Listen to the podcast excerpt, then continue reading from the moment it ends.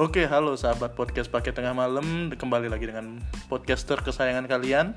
Saya Aditya Dewantara. dan saya Gusdian yang pada kesempatan hari ini kita mendatangkan salah satu narasumber ya yang Hmm. telah bersama kita Dit ya. Iya, eh, dengar-dengar salah satu jadi PLT ini ya, Menpora. Ya mungkin ya. Kabinet ini ya? Betul sekali. Dengan dan memang abang- orang ini memang concern terhadap eh, permasalahan yang terjadi di, di negeri kita Iya, ya pada mm-mm. akhir-akhir ini. Sampai bisa diangkat jadi PLT loh. Oh, benar sekali. Mungkin kita serahkan saja waktunya ke dia untuk Ya. menyerah eh, apa namanya untuk memperkenalkan diri terlebih dahulu. Silahkan Abang Hercules. Oke, jadi kenalin nama gue Hercules. Jadi kali ini gue akan berbincang-bincang dengan host kesayangan kita di channel podcast Tengah Malam ya. Ya benar sekali. Oke. Gimana perasaannya nih, Abang Hercules diajak pertama kali nge-podcast ya? Ini pertama kali nge-podcast nih? Kayaknya pertama kali soalnya tegang seperti ini. Iya, tegang kayak- kayaknya baru pertama kali. Kayak, Eh, aduh. eh, ya sih ini pertama kali podcast. Ya nanti dibawa santai saja ya karena kita juga Eh. tidak ingin eh, apa namanya terlalu ter- nanti terlalu. Memang permasalahannya serius tapi bagaimana cara kita menanggapinya biar Oke. nggak terlihat Siap. terlalu serius Oke, gitu. siap, siap, Gus. Tapi jarak kita dari podcast pertama ke podcast kedua itu lumayan lama Gus ya. Ada, Iya, ada dua kan- bulan tiga bulan. Benar karena kan kita terbentur oleh eh, kesibukan satu sama lain Iya, ya. siap. Baik mungkin kita langsung saja ke pembahasan eh, podcast kita eh, kita pada kesempatan pada malam hari ini ya. Bahas apa dulu nih Gus? Kebetulan kan eh, denger-denger nih banyak banget permasalahan nih di Indonesia nih di akhir jabatan periode pertama dari Pak Jokowi. benar-benar sekali. Banyak begitu banyak ma- masalah yang terjadi. Namun concern kita eh, pada kesempatan kali ini karena abang Hercules sendiri itu memang salah satu orang yang concern nih dan mengamati betul tentang KPK atau Komisi Pemberantasan Korupsi. Jadi kita akan membahas mengenai RUU eh, Komisi Pemberantasan eh, Pemberantasan Korupsi ini sendiri. Yap. Mungkin kita eh, langsung saja ya ke abang Hercules. Mungkin bisa dijelaskan eh, mungkin kita berikan gini di awal dulu bahwasanya abang Hercules ini menolak adanya RUU terhadap eh, Komisi Pemberantasan Korup- Korupsi. Mungkin bisa diterangkan atau bisa dikasih tahu kepada tem- teman-teman podcast kita alasan kenapa menolak RUU ini. Mungkin kurang lebih seperti itu ya Dit ya. Iya. nanti kita supaya nanya lebih banyak Oke, lagi. oke deh. Jadi thank you uh, Dit sama Gus Dian udah ya udah ngundang gue lah buat bincang-bincang. benar. Jadi um, mungkin teman-teman berdua ini pasti udah tahu kan kalau UU KPK itu ada di revisi tahu nggak? Tahu, tahu, kan tahu, beritanya? Se- Iya, sebenarnya ini udah wacana dari jo Jojo hari sebelumnya Iya. kan memang. Eh tapi sebelumnya lu udah ngikutin kasus ini udah berapa lama? Lo tahu kira-kira tahu kasus ini pertama kali lo tahu dari Ah, re- re- revisi UU KPK nih. Ah. Oh jadi sebenarnya kalau uh, lo berdua ngikutin ya revisi UU KPK ini sebenarnya udah barang lama. Benar sekali benar. Ber- ini barang lama maksudnya RUU KPK revisi RUU KPK itu um, bukan digodok cuma tahun ini. Betul. Itu udah berkali-kali ya Gus Dian tahu juga itu udah berkali-kali diusahakan. Tahun 2015 pada zaman SBY juga ketika pemerintahan Jokowi berkali-kali Iya. 2016, 2017 tapi karena penolakan dari masyarakat dari aktivis banyak Iya. makanya itu mampu untuk menahan uh, RUU KPK itu untuk direvisi karena suara masyarakat itu Masih besar Ya, ya, waktu masih besar, masih begitu Suara berisik lah ya. Iya, Ya. suara dan itu juga ya dan itu juga terkait mungkin ya kalau sekarang kan uh, Jokowi udah merestui revisi Iya, UU benar. KPK disetujui kan? Nah kalau misalnya teman-teman lihat kenapa tahun 2017 2016 itu Jokowi nggak menyetujui? Itu ada kaitannya dengan faktor election. Iya, pemilihan. pemilihan yang akan yang terjadi ya tahun yang terjadi Iya. 2019 nih. Iya. kalau misalnya 2017 2016 Jokowi men- menyetujui revisi UU KPK itu akan berdampak pada elektabilitasnya. Mungkin aja kalau 2017 dia setuju 2019 bisa aja dia kalah kan? Iya, tidak terpilih karena hal ini. tidak pilih karena hal itu. Makanya itu makanya kenapa 2019 dia setuju kayak gitu. Oh, berarti secara garis besar dari apa yang eh, aku tangkap nih da- dari Hercules bilang tadi bahwasanya kenapa Jokowi bisa mengesahkan eh, di tahun kedua eh, menjabatnya artinya di Ya periode kedua menjabatnya karena di terpilih. tahun karena ketika dia ingin mengesahkan tahun pertama itu Ya, berbahaya. dengan elek- elek- Elek- elektabilitasnya elektabilitas. uh, terhadap suara-suara yang di Ah. karena begitu besar sekali penolakan terhadap ini ya, Ya. betul betul. Nah, eh, lalu kita langsung saja menuju ke poin deh. Poin apa sih yang sebenarnya kenapa kita harus menolak, Menolak. eh, RUU KPK ini? Itu poin apa yang eh, diubah secara eh, fundamental sekali ke- sehingga kita harus menolak terhadap eh, R- adanya RUU KPK ini? Mungkin bisa dijelaskan mungkin. Oke, jadi eh, sebelum sebelum gue masuk lebih jauh ya terkait eh, poin-poin apa yang kontroversial sehingga Iya. banyak orang menolak revisi UU KPK ini termasuk gue juga. Mungkin Iya, kalian berdua udah punya pandangan pribadi, mungkin juga nolak revisi UU KPK. Iya, iya. Jadi kita harus eh, berangkat dulu kepada sejarah sejarah kenapa KPK itu muncul. Hmm, benar sekali. Nah, jadi sejarah awal kenapa KPK itu muncul itu tujuannya sebagai spirit atau manifestasi dari reformasi. Zamannya Megawati ya.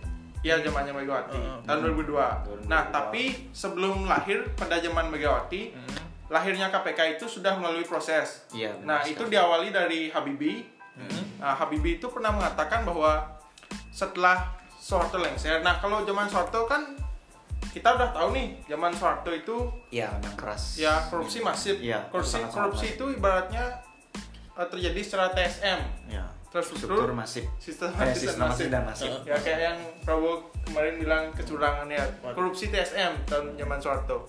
Jadi kalau teman-teman tahu, zaman Soeharto itu eh, korupsi itu menyebabkan terjadinya salah satu contoh ya lembaga penegak hukum itu diatur oleh pemerintah. Iya. Jadi sebagai alat kekuasaan. Betul. Tidak ada keadilan zaman Soeharto.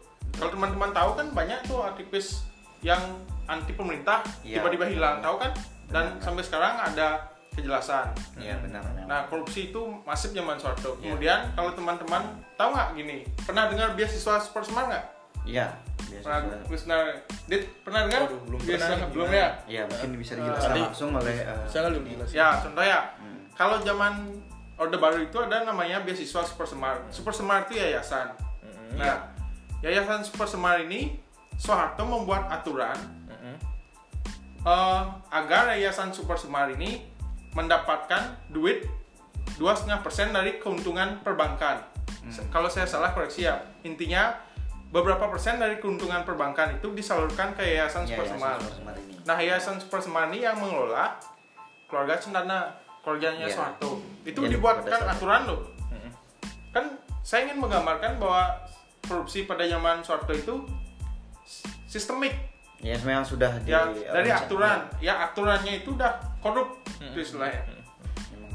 Ya, itu zaman Soeharto. Sehingga ketika terjadi reformasi, semangat untuk me- melupakan Ya. semua hal-hal Menumbangkan yang semua hal-hal menumbangkan- negatif ya negatif. istilahnya. Ya. Menumbangkan. Oh, Ya. Siapa itu?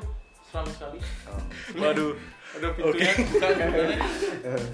Ini ada Oke, guys. mungkin Sedikit ada yang masuk tadi. Iya. Bisa di cut dulu ya. 21 action.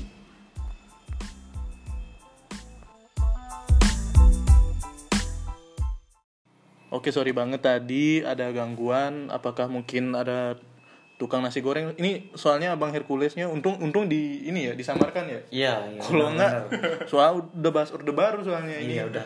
Kalau Jadi, misalnya Sensitif. sangat sensitif sampai eh, apa namanya pintu kita ada ada yang buka tapi Iya. ada orangnya ya. Takutnya- ada, ada yang nguping. Ada yang nguping. Tadi ada yang nguping. takutnya ada gini ntar Jangan-jangan di kosan setan kiriman dari DPR. Waduh. Waduh. ntar di kosan abang Hercules ini ada dagang nasi goreng yang rasa hambar bawa hati anjing Iya, oke lanjut oke lanjut Oke, abang Hercules oke. gimana nih Jadi ini gue, gue lanjut ya. Iya. Ah, tadi kan itu udah eh, reformasi itu Hmm. semangat reformasi itu menumbangkan segala warisan orde baru. Benar sekali. Yang utama itu warisan-warisan buruknya, termasuk Hmm. korupsi yang masif terjadi. Mm-mm. Nah, eh, ketika reformasi terjadi, eh, untuk memberantas korupsi, Perlu sebenarnya ada dua lembaga yang memiliki kewenangan untuk memberantas korupsi. Mm-mm. Itu Ya, benar. yang pertama adalah kepolisian dan kejaksaan. kepolisian dan kejaksaan ya. Ya, tapi pada waktu itu karena Orde Baru ketika berkuasa 32 tahun Iya, ya lama kepolisian dan kejaksaan itu sudah Iya, menjadi lembaga yang korup juga dalamnya Waduh. Iya. Korup jadi Malah ikut sebagai lambang korup, saja lah ya sebagai lambang ya. Mm-mm. ibaratnya gini loh kalau misalnya eh, jaksa dan kepolisian itu korup gimana dia mau memberantas korupsi Benar sekali Kan karena bisa, kan ya? sebagai orang yang Iya. memutuskan dan berhak untuk mengadili itu semua udah udah lemah istilahnya kan benar nggak? Apa jangan-jangan mereka takut juga memberantas korupsi malah hilang besoknya. Iya. Waduh. Ya itu dah dia bagaimana memberantas orang dia dia sendiri korupsi. Waduh. masa memberantas diri sendiri kan? Waduh. ya Mungkin. itulah mereka itu saling menutupi lah istilahnya Iya, saling iya. menutupi satu sama lain karena ketika 32 tahun orde baru berkuasa itu benar-benar hampir korupsi itu menjadi budaya Iya. istilahnya korupsi itu dianggap sebagai hal yang wajar Iya.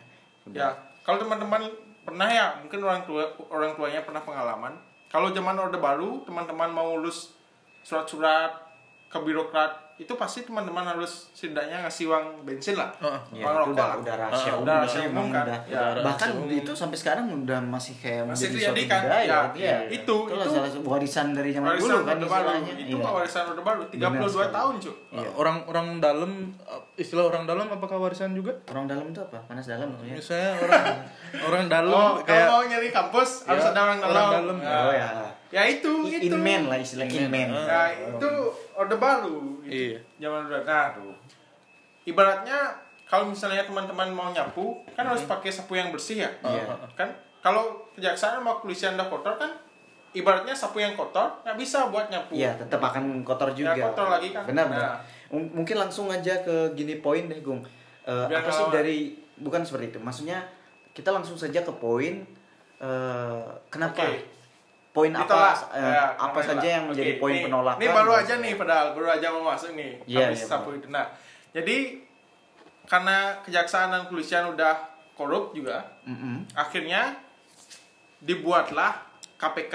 Hmm, Iya. kayak istilahnya habis habis KKN terbitlah KPK ya gitu. ya, ya. habis kan terbilang KPK. Habis Kan nyambung goblok. KKN habis KKN di desa penari. Waduh. Waduh, bukan kan. Ya mungkin bisa lanjutkan Oke. Hercules. Itu dibuatlah KPK yang notabene sebagai lembaga yang Iya. bersih dari korupsi. KPK ini menjadi harapan karena em, KPK ini dibuat dan memiliki kewenangan yang spesial. Iya, benar. Pertama, Wadah. KPK itu independen. Iya. Oh, independen. Oke. Terus eh, setelah KPK itu terbentuk, teman-teman pasti tahu beritanya. Dari KPK jilid pertama sampai sekarang itu KPK bisa mengungkap aktor-aktor besar banyak korupsi-korupsi kelas kakap. Mm-mm. Nah, Mm-mm. yang kemarin yang paling baru korupsi iktp. Mm-mm. Waduh. Dananya Korupsi. berapa tuh? 2,2 triliun lebih lah. Iya, itu kan. Ya.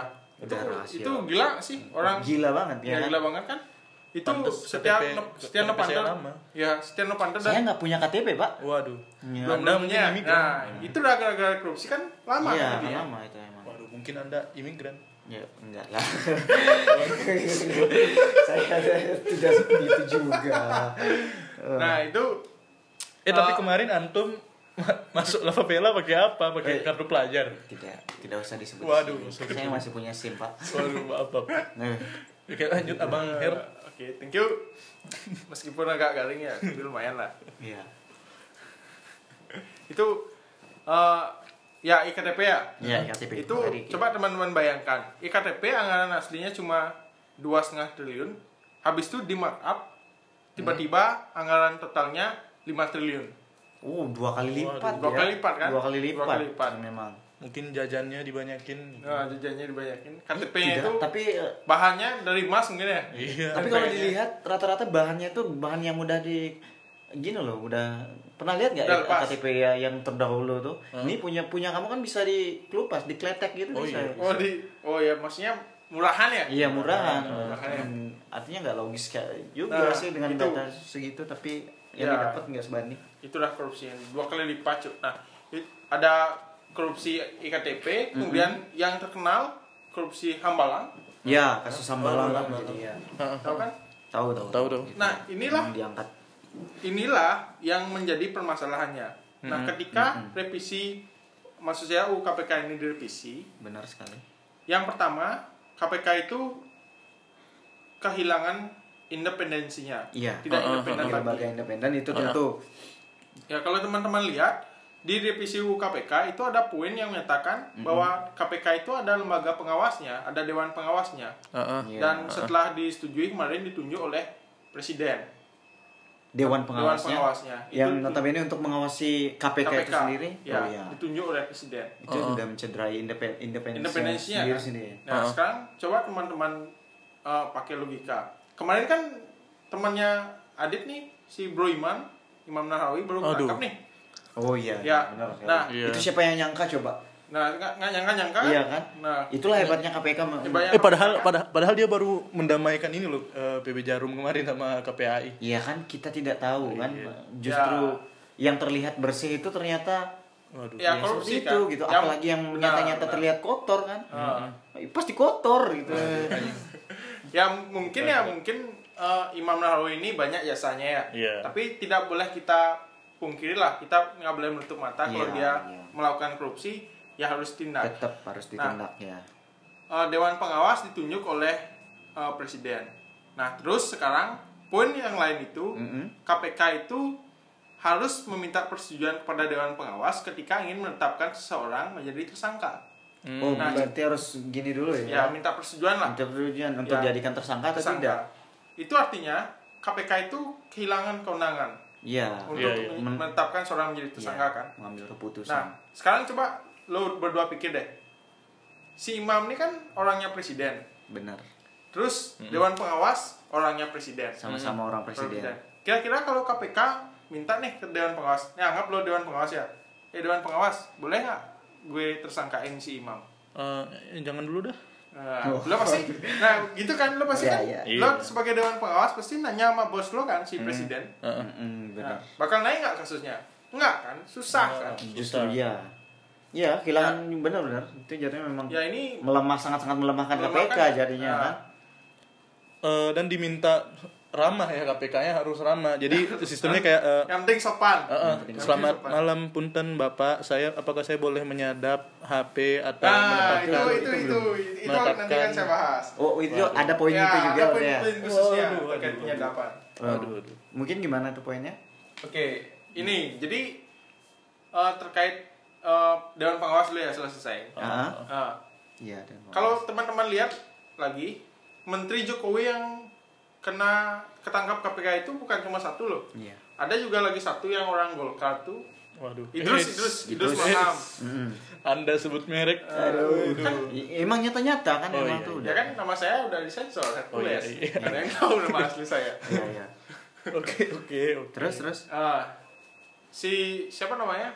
Idrus, Idrus. Idrus Marham, Oh, Idrus. Mensos waktu itu. Iya. Nah, dia itu Hamin satu sebelum diumumkan Mensos apa sih? Menteri Sosial. Sosial. Sosial. Sosialita? Aduh. sosial, sosial, Sosial dan budaya. Berarti bukan. Mensos, Oh ya Mensos tapi itu Sosial media. Mentos, ya, Mensos. Mensos. Wah, an- Anda tolong Tolong tolong lah. membuat jok sampah, tolong. Abang Her, Ya. tolong. Nah, itu si Mensos kan sebelum pemilu tuh, sebelum pilpres tuh saya. Mm-mm. Nah, Benar. waktu itu kalau misalnya udah ada dewan pengawas, anggap nih asumsi udah ada dewan pengawas, Mm-mm. Eh, udah revisi nih waktu itu, Kalau sebelum pilpres. Ya, kalau udah disahkan ya udah itu. disahkan itu pasti eh, si presiden menghalangi Iya, Oh, iya. semacam menghalangi melindungi. biar elektabilitasnya itu nggak turun Oh, bener. Hmm, iya.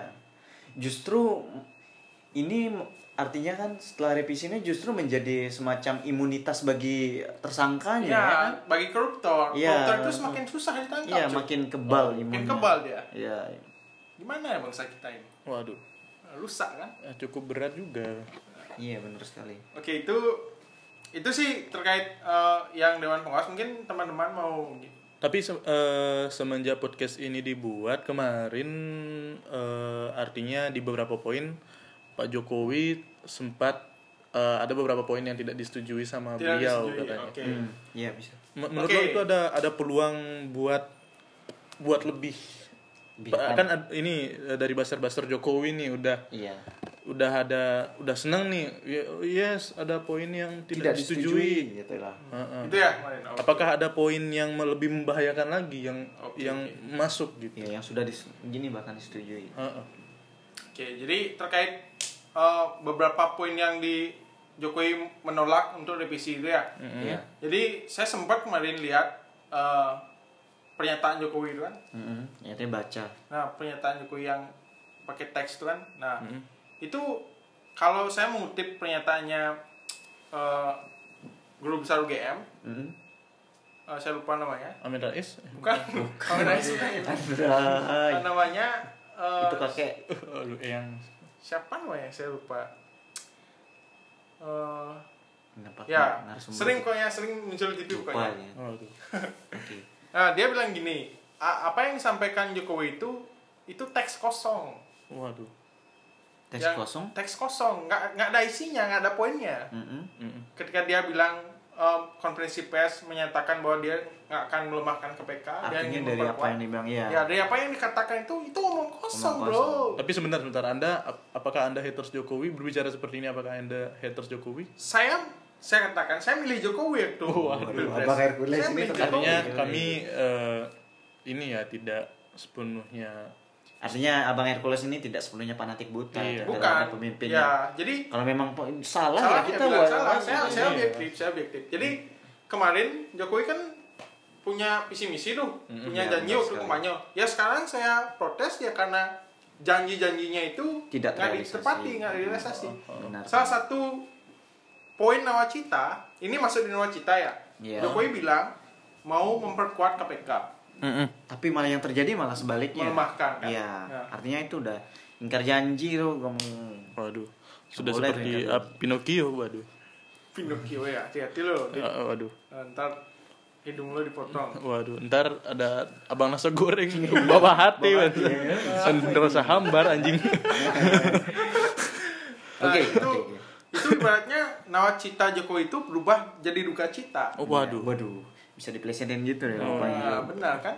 Nah, apa yang dikatakan Jokowi itu itu omong kosong. Mm-mm. Salah satu Jokowi bilang gini, saya setuju eh, KPK meminta izin kepada Dewan Pengawas Mm-mm. untuk melakukan penyadapan. Iya. Tapi saya tidak setuju KPK meminta izin dari pihak eksternal untuk meminta penyadapan.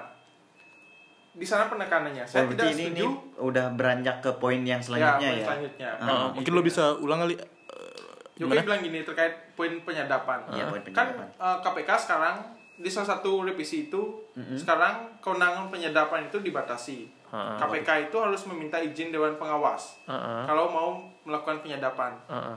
Nah, Jokowi bilang gini terkait poin uh, penyadapan tersebut. Saya setuju. uh, saya mengatakan bahwa KPK perlu meminta izin kepada Dewan Pengawas Mm-mm. untuk melakukan penyadapan. Tetapi KPK tidak perlu meminta izin kepada pihak eksternal untuk melakukan penyadapan. Hmm. Garis bawahi kepada pihak eksternalnya. Hmm. Saya tidak setuju, Jokowi bilang gini, saya tidak setuju KPK meminta izin kepada pihak eksternal untuk melakukan pengawasan. Pe- Pihak eks- eksternal yang dimaksud di sini? Nah, pihak eksternal yang dimaksud itu nggak ada. Kalau di revisi UU KPK, memang KPK nggak nggak perlu meminta izin kepada pihak eksternal. Waduh. Langsung Ya, ya. Jokowi kan bilang nggak setuju. Iya. Ya it- itu emang ada di revisinya. Benar, benar. Kan Dan aneh juga, aneh juga sih kalau mau nyadap itu, eh bro bro, mau ny- gue mau nyadap dong gitu. Aduh. Aneh gak sih? Eh, jang- jangan dulu bro, itu orang saya. Ya masa nggak boleh sih? Iya, eh, eh, bohong dulu ke media. Ya boleh lah. Sadap-sadap sedikit lah. Eh, orang saya sudah kirim. Iya. Waduh. Aneh nggak sih? Nyadap Iya. tapi harus minta izin, Minta izin ya? Iya. Itu kalau untuk menjaga kerahasiaan, kan Dewan Iya. Pengawas sudah tahu. Hmm. Dewan Pengawas tuh orangnya presiden. Kalau mau nyadap pres- presiden gimana? Waduh. Makin susah lagi kan jatuhnya nangkap koruptor nggak sih? Ya nggak sih? Susah, susah banget. Kalau kayak kayak untuk menyadap saja harus eh, minta izin lah. iya.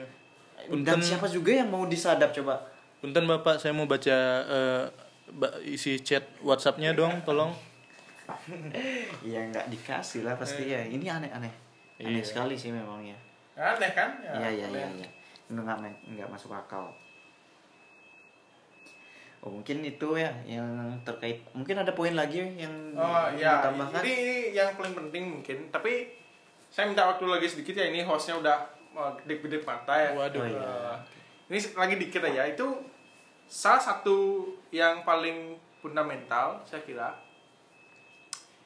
di revisi UU KPK ini uh, terjadi kepentingan sangat politis Iya. revisi UU KPK ini. Hmm. Kalau teman-teman yang disertai eh, kepentingan-kepentingan politis, Politis. istilahnya.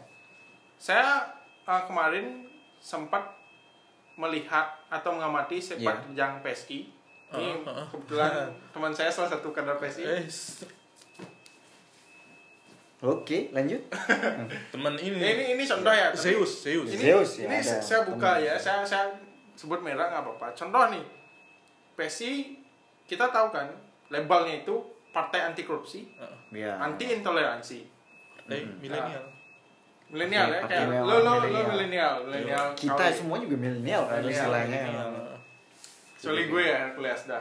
Kolonial Anda. Anda beda. Anda ya. kolonial. Kolonial. Kolonial. Kolonial. ya. Kolonial. Sudah ada zaman Belanda. Ah, ini dulu. Teman-teman lihat kan waktu kemarin PSI galaknya ketika ngeributin Pinemas tuh. Galak kan Iya, mereka, garang di media, di Twitter, ribut mereka. kan. Iya. Nah, di revisi UU KPK, mereka kayak dikasih obat bius, cuy. Waduh. Hilang. Ya kan? tidur, ya, tidur berarti ya. Ada apa? Ini pasti ada kepentingan politis dalamnya. Sampai PSI yang terkenal garang aja diam. Di- Dininabobokan. Nah, itu Kira-kira- satu. Kira-kira kenapa tuh?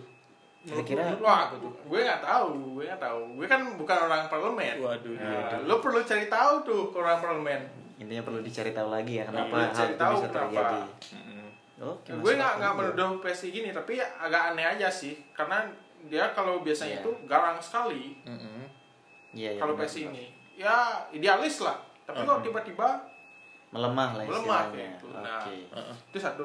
Terus hal yang lain yang gue sorotin terkait revisi UU KPK, mungkin teman-teman uh, pernah dengar itu gue gue rasa ini kerjaan basernya ya, basernya an- pro pemerintah, basar pemerintah. Mm-mm. Itu ada jauh-jauh hari sebelum revisi UU KPK, itu ada isu bahwa di internal KPK itu ada ada friksi, ada perpecahan. Internal KPK internal sendiri. KPK. Tahu nggak Oke. ada Istilahnya civil war. ah, Civil war lah. endgame? Tiba-tiba endgame aja. jauh sekali. Anda sangat bangsa tiba-tiba Kan awal hair. Revisi KPK kan endgame. Eh, Oh iya iya. Endgame kan udah Oh, berakhir iya, kan, udah mati. Iron Man-nya udah mati. Waduh. Ah. Lanjut, lanjut. Nah, itu kalau teman-teman lihat kemarin di internal KPK dibilang ada dua friksi, dua praksi. Praksi lah istilahnya. Oh, Ada praksi. polisi Gabungan. India, pernah nggak? Iya. Ada yang polisi polisi India. India, ada yang dibilang polisi Taliban. Oh. Apakah anda paham? Ah, Waduh, saya Nah, mirip kurang paham saya. orang-orang Taliban. Aduh. Nah, itu di KPK itu dibilang ada polisi India, polisi Taliban. Saya nggak ngerti ini maksudnya gimana, tapi konotasinya itu negatif. Mm-mm. Taliban itu dianggap sebagai satu hal yang radikal. Dia, Di KPK itu dianggap ada radikalisme. Waduh. Waduh. Dan ini, Sedangkan polisi India itu gimana maksudnya? nah, polisi India itu kan terkenal sebagai orang yang lambat, Oh, konotasinya gitu, penakut, kayak gitu. Kalau Taliban kan orang-orang yang radikal gitu. Jangan panggil aku anak kecil paman. Wah, ini nggak tahu ya. Ya udah lah kelewat. Anda itu ada, itu ada, ada polisi India itu. Shiva. Fil- Shiva. film? Iya. Kita bisa bahas itu di podcast Oh iya, selanjutnya. lah. Kenapa? itu itu digemor-gemor kan dibilang di UKPK itu di internal KPK ada perpecahan Hmm. Mm-mm. dibilang ada polisi India dibilang ada polisi, Polisi Taliban. Taliban. bahkan salah satu ini saya nggak tahu nih ini uh, ada orang namanya Denny Siregar saya sebut dia ya Ya, Denny Siregar itu ya. Salah di- satu penulis bisa ya penulis dia Ya. ini penulis pro pemerintah dulu saya Sering baca, baca. ya saya baca gini ya eh, blognya Blog, dia ya. blogger dia ini pemerintah aktif menulis Ya, dia di aktif Facebook menulis. dan di blognya. awal-awal saya saya kira apa yang dia katakan itu rasional maksudnya masuk akal Mm-mm. ketika dia bilang ada kilapah di Indonesia dan lain sebagainya tapi hari ini saya rasa apa yang disampaikan Denis Regar ini cocok logi kebanyakan cocok logi Yang mencocok-cocokkan. ya mencocok-cocokkan dibilang di KPK itu ada perpecahan internal ada Taliban dan ada India sehingga seolah-olah KPK itu memang perlu di revisi perlu diawasi Oh, jadi bisa Ya. disimpulkan dia ini memang membangun orang pro. opini Ya, membangun pemerintah. eh, opini dari untuk eh, apa namanya dia pro terhadap eh, Revisi. revisi ini Ya. karena memang dari sedari awal dia memang orang yang Pro pro, pemerintah. pemerintah. Hmm. Oke, nah ini si bisa or- ditangkap. dan bukan dia saja basar-basar pemerintah itu banyak yang menggiring opini menggiring opini Ya. supaya lebih ke pro. ya. pro revisi dibuat situasi seolah-olah KPK itu Memang perlu ya, adanya memang perlu revisi. adanya revisi Eh, tapi dua hari yang lalu, tiga hari yang lalu, tahu nggak sih beritanya eh, mahasiswa jadi-jadian Oh, iya, iya. eh, menyetujui Revisi. segera mengesahkan revisi. goblok goblok anjir Iya sih. Anjir, Tapi anjir mahasiswa mereka, polos banget. anjir mereka pakai saya. mereka mereka pakai helmet nggak ada logonya. Ya bener, polosan. Kayaknya jahit di tukang Eh. jahit mana gitu ya. itu kalian lihat nggak itu mereka itu udah kayak Power Ranger anjing kayak Power Ranger ada kuning ada biru Anjing Iya. sampai ada yang komentar ada mu, Ya. sorry saya bahas fisik eh, mukanya kayak cutting semester 30 bangsa nggak lulus lulus anjing itu kayak mahasiswa angkatan 98 cuy dari zaman reformasi banget eh anda tolong Zaman Iya, sih. Hercules nggak ada yang tahu tapi tapi kocaknya ada saat di orang nge-tweet di reply eh, beritanya ini Iya. katanya abang-abang yang ini itu dia sempet nganterin orderan si orderan KFC orang itu jadi lu bisa tebak itu bagian salah satu bagian orang Gojek anjing oh yang jadi Oh, yang Ah. jadi gini mah. iya jadi masalah Iya. jadi jadi ya kan siapa Iya, tahu mungkin. Ah, siapa mungkin tahu. mungkin, Ya, ya, mungkin ya, dia tuh belajar ngambil- sambil bekerja dia sebagai gojek iya oh, atau dia ambil jurusan teknik pergojekan Oh, oh. tapi tapi lu sempat dengar gak sih eh, pidatonya dia gue belum jujur gue belum dengar sih Pidatanya siapa Eh, pidato si anak-anak ini kan mereka katanya sempat- Orasi gitu. orasi ya orasi oh mereka nggak orasi bahkan ini aneh ya kan ada tuh mahasiswa yang ini udah ketahuan gobloknya cu. Gimana? Bahasanya goblok banget. Ini kan pertama tuh udah demonstrasi mahasiswa di- Iya. dikasih almet nggak ada logonya. Terus ketika ditanya sama media detik nanya sama perwakilan mahasiswa itu mereka bilang mereka nggak tahu mau diajak demo apa. Waduh. Mereka nggak tahu Ini udah simpang siur lah istilahnya. Hei, emang tolong mereka, ya. siapa pun di balik ini tolong di briefing dong anggotanya, tolong. Korlapnya mungkin. Korlapnya bagaimana ini ya? Anda tolong. Itu kalau lihat itu lihat udah foto tidak- ya Tidak memenuhi prosedur aksi sih ya. Kita sebagai latar belakang mahasiswa juga kan tahu Ya. bagaimana proses Hei, realnya kita aksi. mahasiswa tidak seperti itu.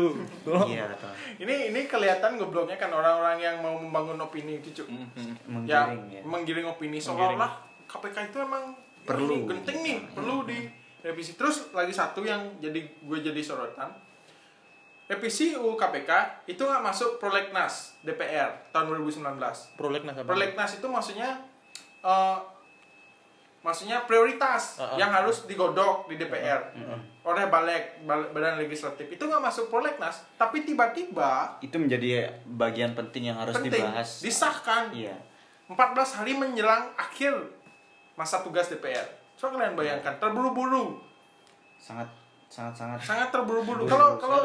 Kalau kalian kalau kalian tahu itu perbuatan terburu-buru itu namanya perbuatan setan. Aduh, itu itu kayak ngumpulin tugas dosen semalam anjing. Soalnya Itu ya kayak- SKS. ya, itu kayak gitu. Ini goblok DPR ini? Iya. Tolong.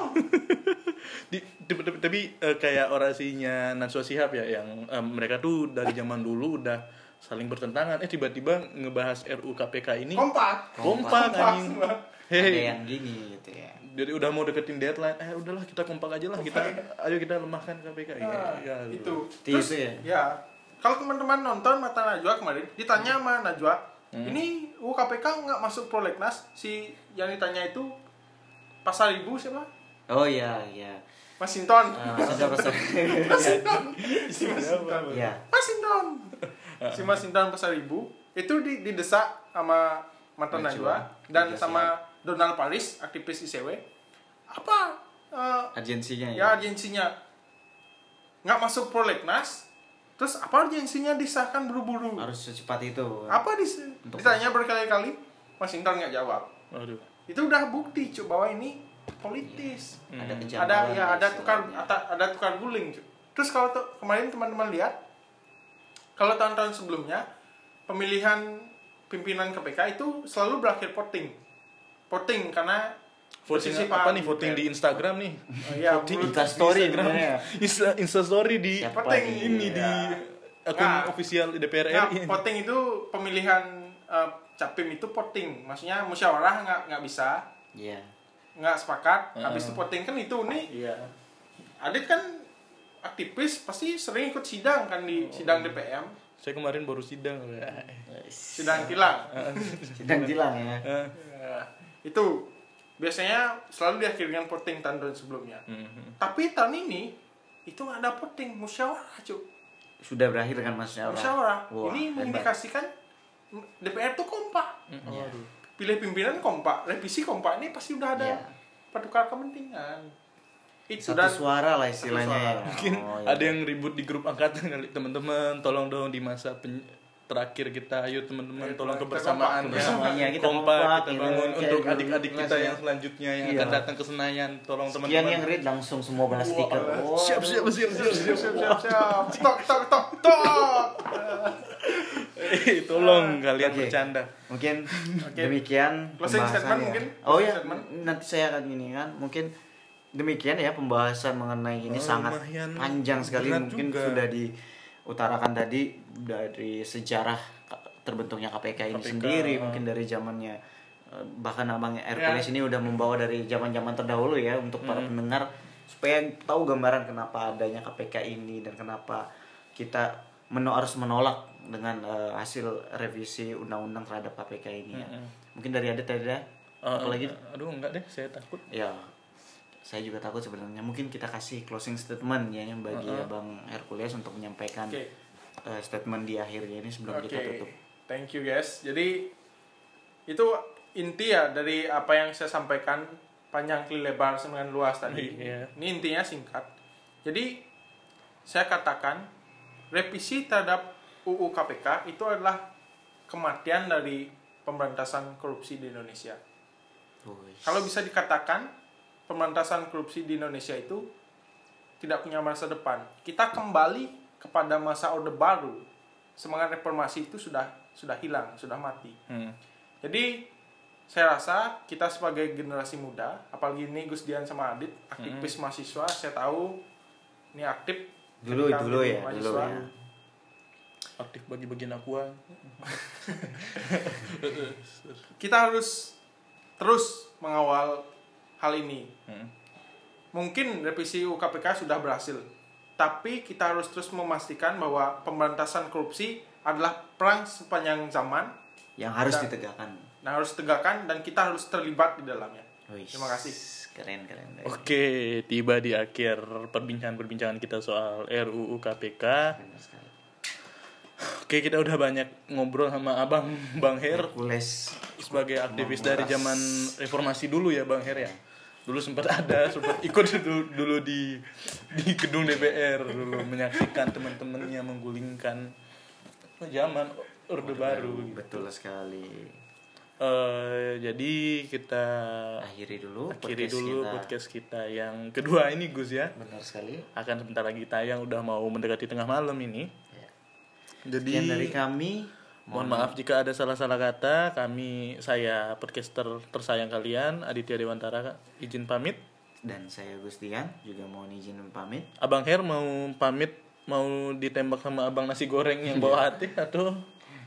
Nanti di- biarkan itu menjadi urusannya dia. Iya. Oke, selamat berjalan dan sampai jumpa di podcast selanjutnya. Thank you. Mantap.